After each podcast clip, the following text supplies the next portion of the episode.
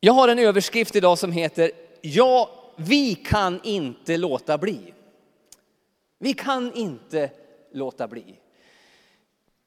Jag känner, jag pratade med en snubbe idag faktiskt. Jag har varit på en gudstjänst till på förmiddagen här. Han kan inte låta bli att plocka kantareller. Han sa, hur går det med svampplockningen? Staffan? Jag, jag har plockat jättemycket kantareller, alltså vanliga, inte trattisar utan de här gula. Jag kom till ett ställe, det var, det var överallt. Man kunde liksom plocka, jag fick liksom gå därifrån, nej men nu måste jag lämna. Man för, jag tänker inte gå en bit till för då ser jag nya och då blir jag så sugen. Jag, här, sträck här nu, nu går vi liksom. Va? Du vet den där känslan när, när det är guld överallt, det är magiskt. Så det var mycket kantareller liggande i, i vår frys. Men och så frågade han mig, hur går det med kantarellplockningen? Nej men det, det är liksom över. Vad då över? Ja men vi har knappt, vi har inte råd, vi har inte, vi har inte så stor frys liksom. Han har en jättebox jag vet ju, han för honom var det ingen diskussion, han, han bara måste ut och plocka. Han kan inte låta bli att plocka kantareller. Så länge det finns en kantarell så måste han ut. Du vet, ibland är det så där vår liv. Vi kan inte låta bli att göra någonting. Det kan gälla blåbär också. Samma person. Jag provkörde en, en, en bil här ett tag, jag var i Norge och min dotter där, de hade köpt en Tesla. Den minsta Teslan, men den har ju ändå 300 hästar i sig, en ganska liten bil. Och vad den drar alltså. Alltså när vi kom ut på, på, på motorvägen så sa, så sa min dotter, dra på nu då Staffan. Och bara, okej, okay. det wow! Liksom, så här, liksom, en gång till, wow! Liksom. Man kan inte låta bli. Man bara trycker på det för, och känner det axet. Det blir som ett beroende. Man kan inte låta bli att trycka på gaspedalen för det är så häftigt att uppleva det att man trycks bak. Man kan inte låta bli att gasa en Tesla. När min fru står i köket och diskar eller gör någonting. Nu, nu delar vi på det, så tro inte att liksom hon står alltid i köket. Nej, det är nästan tvärtom. Eller ja, ish. Nej, men vi, vi delar ganska, ganska fint på allting. Jag tycker det är ganska kul att, att, att jag lagar mycket hellre mat än att städa för all sin dag. Det är ju ybertråkigt. Och där är vi tvärtom, hon tycker om att städa. Så. Och det är sant på riktigt, det är ingenting jag liksom. Nej men när hon står i köket där, hon står där, jag tycker hon är alltid vacker, men just när hon står vid köket då, då kan jag inte låta bli att gå och liksom krama om henne bakifrån. Så här. Jag kan inte låta bli att säga, jaha nu står jag vid köket igen. Ja, sen, jo det gör och så, Jag kan inte gå förbi henne. Vad är det du inte kan låta bli? Har du något sånt där som, något sånt där som händer? Prata med din granne om du kommer på någonting. Ja, men det här, sån här, jag kan inte låta bli att göra det här. Fundera en stund bara, bara för skojs skull. Är det någonting som du bara, nej, jag kan inte låta bli. Se ett ogräs där så måste jag bara ta bort det. kan vara vad som helst. Vad är det du inte kan låta bli? Har du någonting?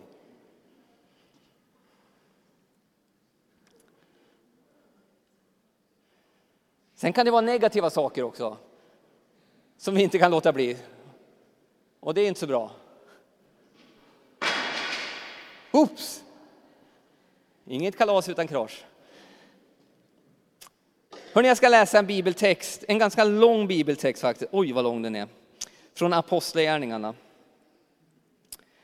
Det handlar om den första kyrkan som, eh, som fick problem ganska fort. Det gick inte som på räls. Ibland i vi kyrka vi tittar på, åh, tänk om vi hade det som den första kyrkan hade. Ja, vill du det egentligen? Har du läst Apostlagärningarna? Visst, många kom till tro, men det var mycket annat som hände också. Vi ska läsa en text därifrån. De kallade in dem, alltså dem det är lärjungarna och de som gjorde det är liksom eh, de religiösa ledarna i, i Jerusalem. De kallade in dem och förbjöd dem att alls tala eller undervisa i namnet Jesus eller Jesu namn. Men Petrus och Johannes svarade dem, bedöm själva är det rätt inför Gud att lyda er och inte Gud. För vår del kan in, för vi, vi för vår del kan inte hålla tyst. Den versen är viktig. Vi för vår del kan inte hålla tyst med vad vi har sett och hört. Vi hoppar fram Översteprästen och alla hans anhängare, det vill säga saduceernas parti, fylldes av avund och grep apostlarna, satte dem i allmänt häkte. Men på natten öppnade en Herrens ängel fängelseporten och förde ut dem och sade, gå och ställ er i templet och förkunna för folket allt om detta liv. När de hörde det gick de tidigt på morgonen till templet och började undervisa. När översteprästen och hans anhängare kom dit och kallade det stora rådet, Israels folk hela äldsteråd, och skickade bud till häktet för att hämta apostlarna. Men när tjänarna kom fram fann de dem inte i fängelse. De vände tillbaka och rapporterade, alltså vi såg att häktet var ordentligt låst när vakterna stod vid porten, men när vi öppnade fann vi ingen där. När tempelvakternas ledare och översteprästerna fick höra detta blev de villrådiga och undrade vad som kunde ha hänt.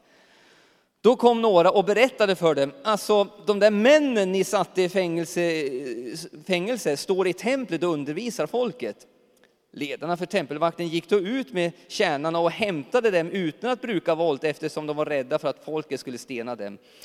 När de nu blivit hämtade ställdes de inför Stora rådet och översteprästen förhörde dem igen eh, och sa, har vi inte strängt förbjudit er att undervisa i det namnet? Och nu har ni fyllt Jerusalem med denna lära och vill att, att den här mannens blod ska komma över oss.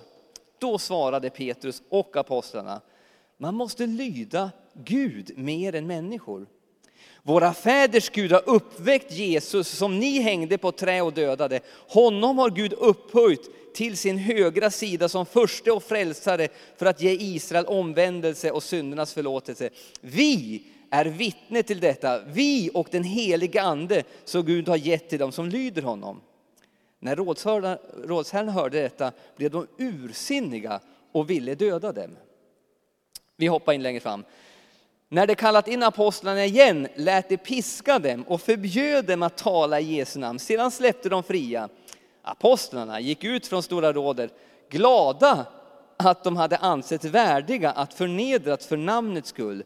Varje dag fortsatte de undervisa i templet och i hemmen och förkunnade evangeliet om att Jesus är Messias. Ganska lång text, men den handlar om den första kyrkan. Och det var verkligen ingen så här äh, bananskal, allt gick liksom, det var en räkmacka, utan det var motstånd direkt. Den kristna kyrkan har stött på motstånd hela tiden. Det här var bara första i raden av många. Det man kan se tydligt i den kyrkans historia, det är det förföljelse som börjar redan här. Att de varit förföljda, personligt förföljda för att de inte skulle tala i namnet Jesus, inte säga att Jesus är uppstånden utan förföljelse startade. Redan här, sen har vi på 80-talet har vi Neros förföljelse, inte 80-talet som vi tänker eh, hockeyfrilla, inte det 80-talet, utan det riktiga 80-talet, alltså 8-0, only. Kejsar Nero, förföljelse, vi har en annan på 90-talet. Sen har vi två kristna bröder, Origenes och Ireneus, 220, 20, alltså 202 då förbjöd man den kristna tron. Det får inte talas längre om detta i romarriket. Sen kan vi fortsätta. Kyrkans historia har blivit förföljd i land efter land, på plats efter plats har detta bara fortsatt. När jag växte upp, då var det ryssen, Sovjetunionen som det heter, hette då. Där talar man om förföljelse. Jag minns jag läste sådana här böcker som Ivan, en liten kille eller en ungdom där som berättar hur hans liv var, att han var förföljd, de eh, liksom smugglade biblar. Hela min uppväxt var liksom en följetong om hur det var i Ryssland, i, i Sovjetunionen. Att det var förföljelse mot de kristna. Vi har Kina där man förföljt kristna i så många år. Ändå har kyrkan bara exploderat under ytan. För ingenting kan stoppa Guds ord och Guds församling. Vi har Afghanistan som ett väldigt aktuellt ämne. Vi har ju den här Open Doors, den här eh, organisationen som radar och försöker hjälpa och försöker liksom lyfta upp det här. Det finns så mycket förföljelse i världen idag. Och man har som en lista tror jag på 10 eller 12 stycken av de absolut mest ställen där det är svårast att vara kristen. Och Afghanistan är nummer två på den listan. Det är oerhört svårt att bekänna sin tro. Så be för våra kristna bröder och systrar i Afghanistan. De har det tufft varenda dag med risk för sina liv. Och tacka Gud att du har det så bra här. Du vet, de skulle älska att få gå på gudstjänst och bara få vandra hit utan att någon liksom, det var helt okej. Okay. Så det kan man vara glad för, men samtidigt så ska vi be för det. Så förföljelse har varit motstånd mot kyrkan, alltid på olika sätt.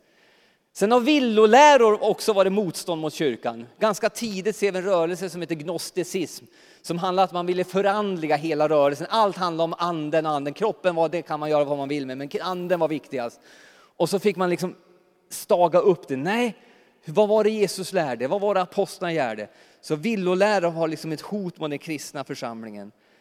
På 300-talet kom villoläror om, om Jesu, Jesu person, vem han var. Fick man också där liksom sätta ner foten. Nej, Jesus var sann Gud och sann människa. Det har liksom varit motstånd mot den kristna tron och den kristna läran och sättet att leva. Sen har vi en annan motstånd mot Guds församling, det var det uttunning. Vad menar jag med det? Jag menar att på 312 så var det tillåtet, från 202 var det förbjudet, men 312 blev det tillåtet att vara kristen i romarriket. Och sen går det inte så långt till för 381, då var det statsreligion av det hela. Då tyckte konstnären, nej men nu vi kör, det är bättre att vara kristen eller inte och så vidare, så kör vi på det. Vad händer då? Jo, det blir alla tvingade att vara kristna. Då tunnas läran ut och det blir, det blir uttunnat, man blir namnkristen, man kanske bara, ja, jag är i ett kristet land och så vidare. Va? Och det är då vi ser den här rörelsen av ökenfärder, människor som ville söka det äkta igen, som lämnar etablissemanget, går ut i öknen och börjar söka Gud. Och så behålls liksom den kristna tron intakt tack vare sådana här fantastiska människor. Ja, det har varit uttunning även i, i, i vårt land. Och då har väckelserörelser varit det som har lyft fram, ja, men det, finns en, det finns ett budskap, det finns en Jesus som är uppstånden och så vidare. En annan, en annat motstånd mot den kristna tron, det är kanske det värsta motståndet. Det är kanske är välfärd, bekvämlighet, likgiltighet och sekularisering. Det andra smets, liksom, det spetsar till oss och gör oss att vi måste ta ställning, men, men, men när det bara tunnas ut allmänt och blir liksom bara, ja, det kan kvitta. Det kanske är kyrkans svåraste motstånd egentligen. Typ Sverige. I den här texten så ser man att de här äh, första lärjungarna, de står verkligen på sig. Jag tycker det är nästan humoristiskt när man läser det. De är ute och predikar, så blir de inkallade till rådet. Ja, vi får inte, ni får bara inte. Nej, okej, vi hör vad ni säger. Ja, ut och predika igen. Ja, så in. Nej, men vad gör de? In med dem igen. Ni får ju inte. Ja, vi sätter dem i fängelse en stund, liksom. så blir de fritagna. Ut och predikar, men de står och ska, vart är de här snubbarna? De kommer, ja, de är kvar där ute. Alltså, ut och in och ut och in och ut och in. Till sist piskar de dem och säger, ni får ju inte göra detta. Och vad gör de? De går glada ut därifrån och bara fortsätter.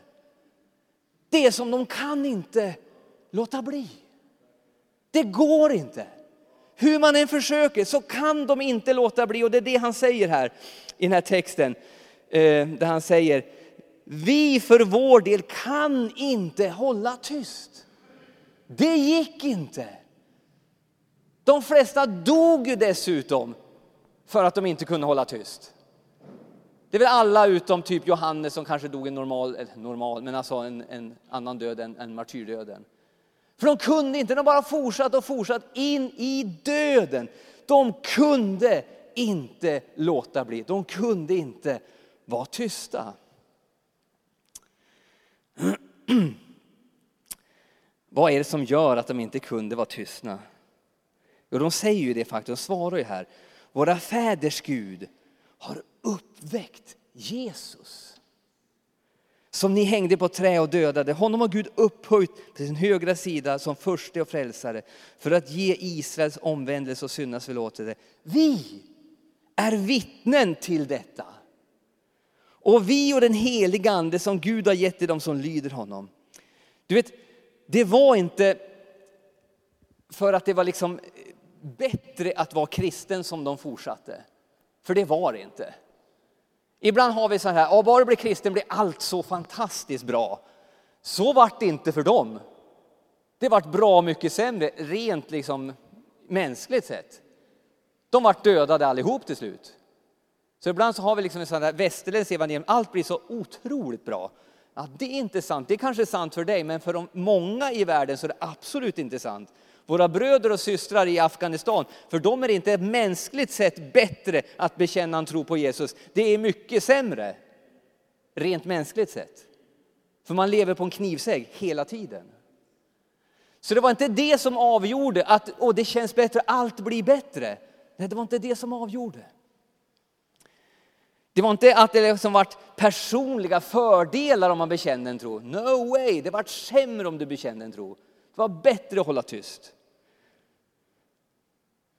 Det var inte drivkraften heller att de skulle liksom vara framgångsrika och det skulle bli fler och allt detta. Nej, det var inte det heller. Du vet, det kan också vara en drivkraft som kyrkan, vi ska bara bli fler. Ja, absolut, jag tror verkligen på det. Men vad är den egentliga drivkraften som drev dem och ska driva oss som Guds församling här i Karlstad? Du vet, det var faktumen med att Jesus var och är uppstånden. Och att man genom tron på det, uppfyllelsen av den helige Ande, kan få erfara dess betydelse. Alltså en historisk händelse. En historisk händelse och en personlig upplevelse. Det gjorde att lärjungarna med risk för sina egna liv bara fortsatte och fortsatte och fortsatte och fortsatte. Det var det som drev dem. Det var det som gjorde att de kunde inte låta bli. Det var som bara en beroende, de bara måste fortsätta, de bara måste fortsätta. Oavsett vad det kommer kosta så bara måste de fortsätta att göra detta. Det var en historisk händelse och en personlig upplevelse som gjorde att de inte kunde vara tyst. Jag vet inte hur du känner nu efter covid och så vidare. Man har suttit framför en, liksom suttit i soffan och sett på gudstjänst liksom. Och, ja. Mm, ja, lite lovsång, Ja, bra. Alltså förstår, jag vet ju, jag har också suttit här. Det är väldigt speciellt att sitta hemma och fira gudstjänst. Marita har varit mycket bättre på när det är lovsång. Ja, just det, vi står upp under lovsång. Ja, så vi har stått upp, hon och jag, liksom framför tvn. Ja, okej, ja, men det är ju det är inför Gud, vi är. det är inte inför tvn, det är inför Gud. Alltså, man får jobba med det liksom. Jag sitter ju i, min, jag sitter ju i mitt tv-hörn för all sin dag. Och så ska man förändra det till att nu är jag här för att tillbe Gud. Jag vet inte hur du känner, men det kan ju kännas lite mot... För, för en del säger wow, äntligen får vi köra igång. För det, ska vi dra igång hela det här maskineriet som kyrkan är igen? Liksom, och så vidare. Va? Here we go again. Jag vet inte hur du känner. Du kanske tycker det var ganska skönt den här tiden. Ja, men lite mer relaxad. Wow, vad, vad folk gör andra saker på söndagarna kan man göra det på en söndag också? Det har jag inte tänkt på. Jag har alltid gått till kyrkan för all sin dag. Ja, men förstår du? Och så ska man dra igång alltihop och känna, oh. Jag fick frågan för ett tag sedan, eller för ganska länge sedan, Staffan, är det inte jobbigt att vara pastor?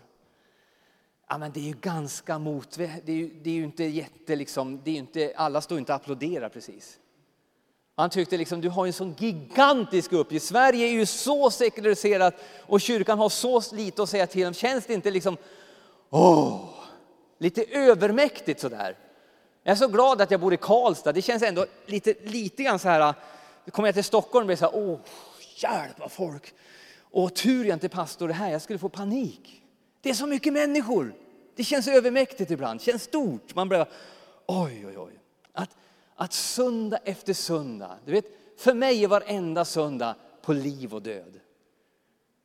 Jag bär den saken varenda söndag när jag går till gudstjänst så är det på liv och död.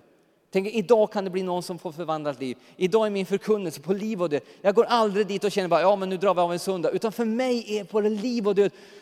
Hur åh, ska jag dra igång det igen? Alltså varenda söndag känner den anspänningen av vilka kommer och hur ska det bli? Och kommer predikan gå fram och allt det Alltså det där anspänningen att det är på liv och död. Vore det inte bara skönt att bara, vi släpper det där med liv och död. Jag vet inte om du känner så.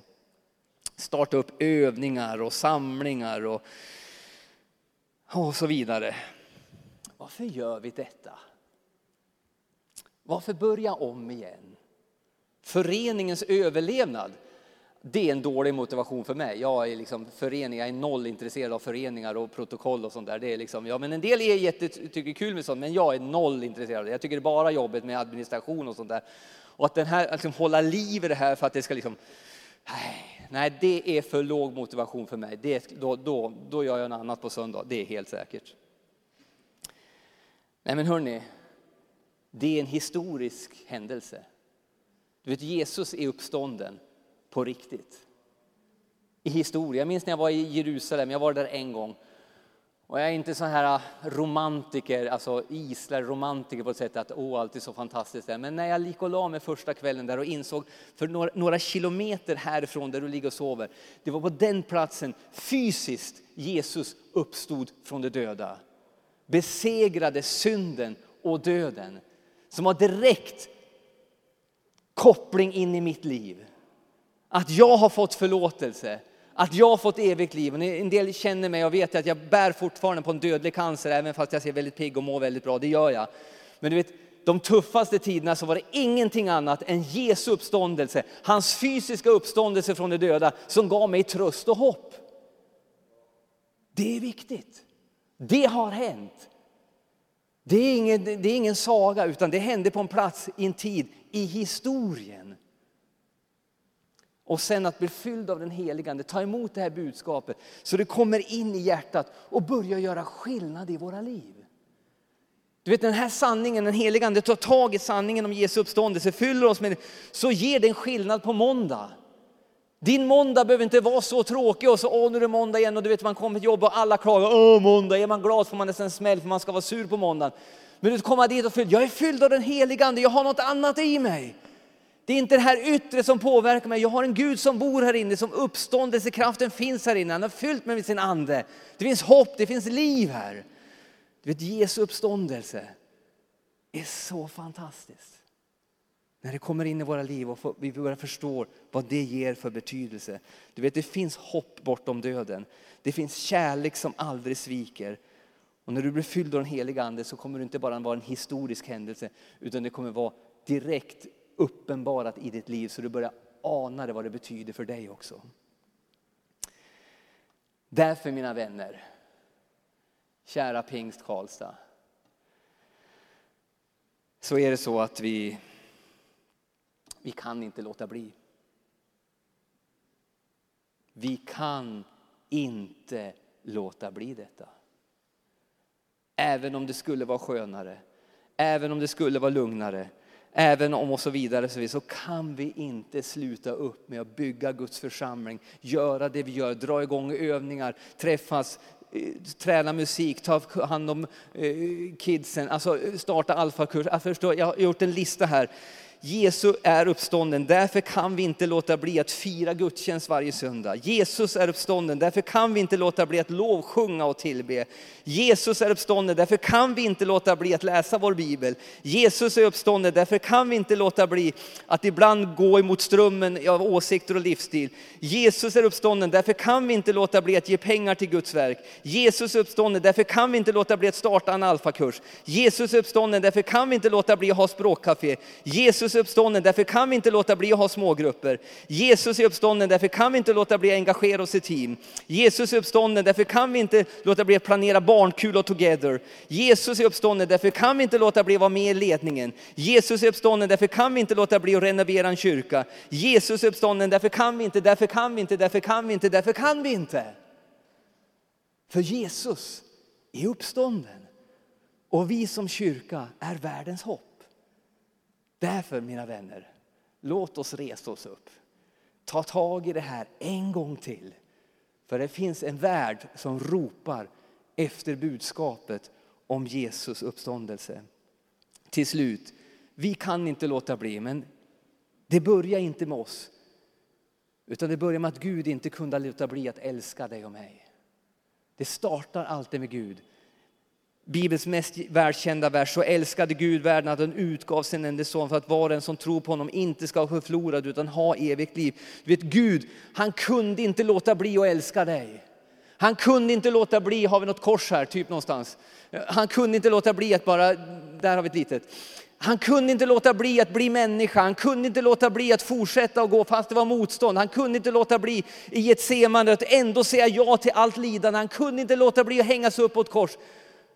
För han kunde inte låta bli att älska dig och mig. Och hans kärlek tvingade honom att göra en hel del uppoffringar, en hel del obekväma val. För kärleken drev honom till detta. Och är du här idag som inte har upplevt det, jag vill bara säga Jesus älskar dig på riktigt. Han älskar dig så in i bomben så han gick i döden för dig. Du vet, det finns inget större offer än att ge sitt liv för någon annan. Det är vad Gud själv har gjort för dig. Om du tvivlar på att Jesus älskar dig, se på korset. Korset berättar om att han älskar dig. Och idag kan du få möjligheten att ta emot den kärleken. Att öppna upp dig och säga ja, jag skulle vilja bli ett Guds barn. Det är det viktigaste beslutet som du kan göra i ditt liv. Vi ska ta en stund i avslutningen av gudstjänsten här. Vi ska be tillsammans. Jag vill uppmuntra dig som kanske har, inte är troende eller du kanske har varit borta från Gud och du vill komma tillbaka till Gud och säga All right, jag tar emot, jag öppnar för din kärlek. Du ska få möjligheten att be en bön tillsammans med oss.